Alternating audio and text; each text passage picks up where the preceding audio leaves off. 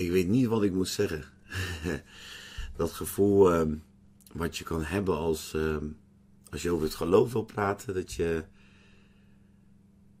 dat je wijsheid mist, of dat je niet precies weet wat je moet zeggen, of dat je je onder druk gezet voelt. Ik ken dat situaties ook veel van. Uh, ik weet zelf ook nog wel, ik was net tot Jezus gekomen en je bent zo vol van het geloof en je wil daar graag over delen. En dan stuit het op allerlei weerstanden in onze cultuur, in de atmosfeer natuurlijk. Want je kan over alles praten, je kan ook over elk geloof praten, maar over Jezus, dat wordt altijd moeilijk. En daar zit altijd druk op. Er is altijd een soort weerstand op. In Marcus 13, vers 11 staat: Wanneer ze u zullen wegleiden om over te leven, wees dan van tevoren niet bezorgd wat u spreken moet. En bedenk het niet, maar wat u op dat moment gegeven zal worden, spreek dat. Want u bent het niet die spreekt, maar de Heilige Geest. Marcus 13, vers 11. Dat is eigenlijk een belofte van Jezus aan ons, aan jou, aan mij.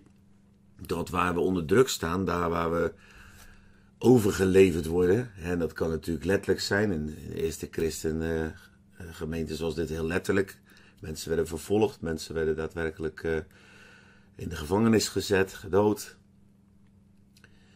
Maar het wegleiden om over te leveren, dat gaat ook eigenlijk over het overgeleverd zijn aan. Hè? Dus de atmosfeer, de cultuur waarin je leeft, dat er altijd druk is om over Jezus te spreken. Maar dan mogen we dus een belofte onszelf eigen maken. Sorry overigens voor mijn schorre stem, maar ik heb een dag of joy achter de rug. Gisteravond nog weer in vijf van night, gistermorgen nog gesproken. Dus uh, het is een beetje veel geweest, maar ik ga lekker met vakantie straks met mijn lieve vrouw. Dus uh, dan komt het weer goed. Kan ik even uitrusten. Maar die belofte ligt er dus. Dat de Heilige Geest ons de woorden zal geven om te spreken. Dan staat erbij: Wees niet bezorgd over wat u spreken moet. En bedenk het niet. Je hoeft er niet van tevoren over na te denken. Maar wat u op dat moment gegeven zal worden, spreek dat. Ja, dat, dat is denk ik een hele mooie, geruststellende belofte. En ik zou je ook echt daarin willen uitdagen vandaag om meer te vertrouwen op de Heilige Geest in dat wat je spreken moet als je in situaties komt waarin het moeilijk is of waarin je merkt dat er is zoveel tegenstand, niet helemaal erover nadenken, niet van tevoren allerlei nadenken over situaties, nadenken over wat dan als en dan zeg ik dit of dat of zo of zo. Nee, gewoon je mond open doen op dat moment en kijken wat de Heilige Geest je geeft om te spreken. Je zal zien dat God trouw is in deze belofte. Wij hebben dit al zo vaak meegemaakt in onze levens. En uh, in die zin nooit weggeleid om voor rechtbanken en dat soort dingen te staan. Maar we hebben heel wat tribunaaltjes in onze families. Of heel wat tribunaaltjes op mijn werk. Waarin je opeens als het ware ter verantwoording wordt geroepen voor het mooiste wat je hebt ontdekt in je leven. En dan kan de spanning ook groot zijn. En als iemand, uh, hè, zoals op het werk, als mensen bijvoorbeeld uh, over je gesteld zijn, hè, dus je manager zijn en zo, en ze gaan je het vuur aan de schenen leggen, dan voel je die druk. Maar heel vaak zie ik, niet heel vaak, ik heb altijd gezien, dat de Heilige Geest daarin zo trouw is. En dat Hij precies die woorden geeft die toch tot iemands hart kunnen komen. Of precies de woorden geeft die voorkomen dat het eindigt met een conflict. Of precies die woorden geeft die de ander toch aan het twijfelen brengen. En zonder dat we erover nadenken, maar gewoon door de woorden te spreken die hij op dat moment geeft. En dat vraagt overgave.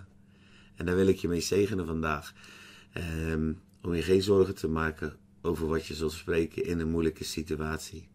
En ik wil je vandaag zo uitdagen om welke situatie er ook al voor je ligt. Misschien weet je al dat er dat soort situaties komen, misschien nog niet. Om er niet over na te denken, je geen zorgen te maken, zoals deze tekst zo mooi zegt. Maar gewoon af te wachten en in dat moment te spreken wat de Heilige Geest zelf jou geeft. Aan woorden op je lippen en die te spreken. En ik denk dat de Heilige Geest jou in situaties gaat brengen deze week waarin dit nodig is. Vader, dank u wel dat we mogen bidden, Heer, om die overgave.